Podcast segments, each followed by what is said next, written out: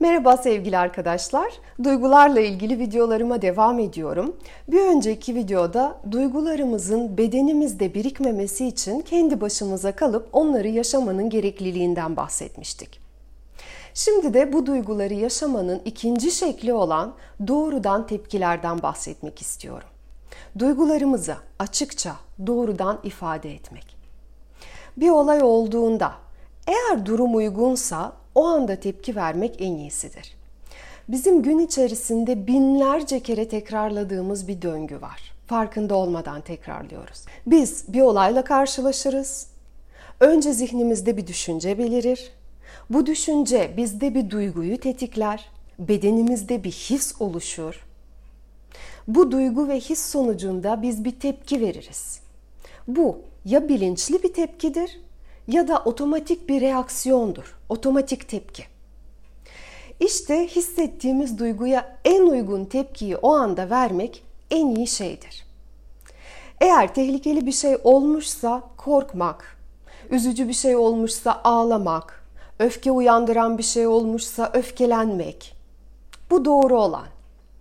Aslında küçük çocuklar bunu en iyi yapıyorlar. Duyguyu hissettikleri anda bunu hemen yansıtıyorlar. Ancak biz yetişkin insanlar bunu her zaman kolaylıkla yapamıyoruz. Çünkü bazen bu duyguları açıkça ifade etmek e, biz veya çevremiz için tehlikeli olabiliyor. Mesela patrona çok sinirlendik. Bunu hemen gösteremeyebiliriz. Çünkü işimizi kaybetme tehlikemiz var. E, fakat mümkün olduğunca hissettiklerimizi ifade etmemiz sağlıklı olan durumdur. Önemli olan bunu sözlü ifade etmek. Bu olay bana şunu hissettiriyor diyebilmek. Diyelim ki birinin sözlerine kırıldık. Cevap olarak illa onu kıracak sözler söylemek zorunda değiliz. Çünkü eğer biz böyle yaparsak muhtemelen kavgayla sonuçlanacak. Bunun yerine ben sana kırıldım diyebilmek.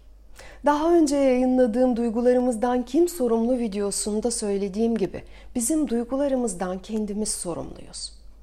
Bu durumda eğer biz birinin sözlerine kırıldıysak senin bana söylediğin sözler beni kırıyor.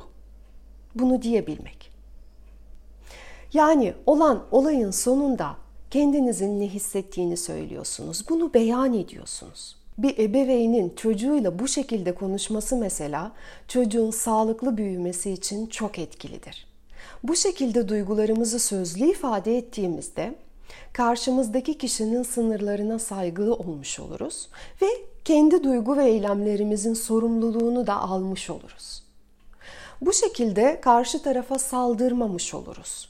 Olgun konumdan iletişim kurmuş oluruz. Tabii ki karşımızdaki kişi her zaman çok anlayışlı olmuyor. Bizim şiddetsiz iletişim girişimimize her zaman olumlu dönüş yapmıyor. Bazen duygularımızı önemsemeyip aynı şeyi yapmaya devam ediyor.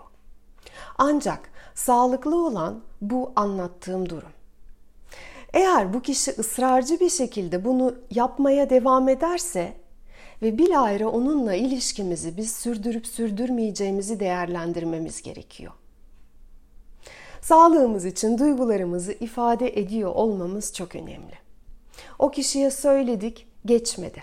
Bu sefer kendimize zaman ayırıp çeşitli rahatlık rahatlama teknikleriyle bunu atmak için zaman ayırmamız gerekiyor. Bir önceki videoda bahsettiğim gibi. Tabi burada kişiye duygularımızı söylerken dikkat etmemiz gereken durumlar da var. Ee, ben bu kişiyi kısıtlamaya mı çalışıyorum? Onu belli bir kalıba sokmaya mı çalışıyorum? Aşırı beklenti miyim? Bunların farkında da olmamız gerekiyor. Yani e, benim de onun sınırlarına saygılı olmam gerekiyor. Onun benim sınırlarımı zedelediği noktaları beyan etmem gerekiyor.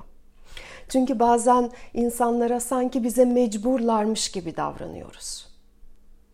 Ee, dün gelen bir mesajdan hemen buna örnek verebilirim. Ee, bir hanımefendi yazmıştı. Eşim bir takım müstehcen sayfalara, web sayfalarına girmiş. Ben kendimi aldatılmış hissediyorum. Çok kırgınım ve çok üzgünüm diyor.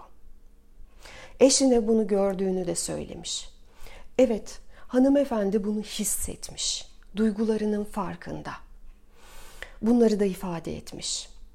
Ancak Çözüm sadece bunu bilmekle gelmiyor bu durumda. Biz bir insanla evlendiğimizde bizim ihtiyaçlarımız yok olmuyor. Hanımefendi eşine sadece gördüm diye söylediğinde muhtemelen bu çözüm olmayacak. Onun yerine eşi birazcık daha dikkatli olacak. Web sitelerine girdikten sonra onları silecek. Yani bu durumu gizlemeye çalışacak ama onun ihtiyaçları giderilmiş olmayacak. Ve bu iki insan arasındaki duygusal mesafe biraz daha açılmış olacak. Ki mesafenin zaten var olduğunu anlıyoruz. Çünkü bu ilişkide cinsel ihtiyaçlar açık konuşulamıyor belli ki. Hanımefendi duygusunu söyledi ama eşinin de bir duygusu var. Onun da bunu ifade etmeye hakkı var. Buna alan tanımamız gerekiyor. Karşı tarafın duygularını, ihtiyaçlarını anlatabileceği bir ortamda oluşturmamız gerekiyor. Evet cinsellik her birimiz için çok hassas bir konu, çok tabu olan bir konu. Yargılandığımız, kısıtlandığımız, arzularımız nedeniyle utandırıldığımız bir konu. Ve eğer biz böyle bir ortama girersek bu duygusal olarak bizim kapanmamıza neden oluyor. Bu durumda önceki videoda anlattığım gibi hanımefendinin öncelikle kendi başına kalıp bu duyguları yaşaması, onların beden, onları bedeninden atması iyi olur. Ve sonra da yaralı küçük çocuk konumundan çıkıp olgun bir kadın konumuna geçmesi gerekiyor. Ve şunu sorgulamaya başlaması. Bizim cinsel hayatımızda ne eksik? Önce kendisine, sonra da eşine bunu sorabilmesi. Bu onları daha yakınlaştıracaktır. Dediğim gibi cinsellik konusu çok hassas ve bir kere sorduğumuzda hop her şey bir anda düzelmiyor. Bu ince ince sabırla işlenip yapılandırılması gereken bir konu.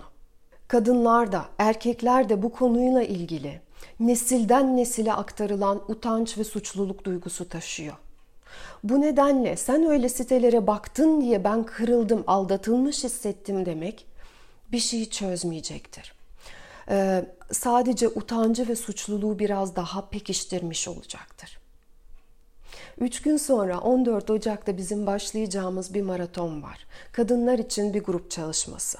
Sendeki büyünün kilidini aç isimli çalışma. Bu çalışmada biz cinsellikle ilgili, dişilikle ilgili pek çok konuyu konuşuyor olacağız. Bir ay boyunca sürecek bu çalışma. Egzersizler yapacağız, çalışmalar yapacağız. Ve eğer cinsellikle ilgili bir takım blokajlarınız olduğunu düşünüyorsanız, bunlardan sıyrılmaya başlamak için iyi bir başlangıç fırsatı olacaktır. Katılım linkini açıklamalar kısmında paylaşıyorum. Eğer ilgilenirseniz sizi bekliyorum. Bugünlük de bu kadar. Sevgiler, hoşçakalın.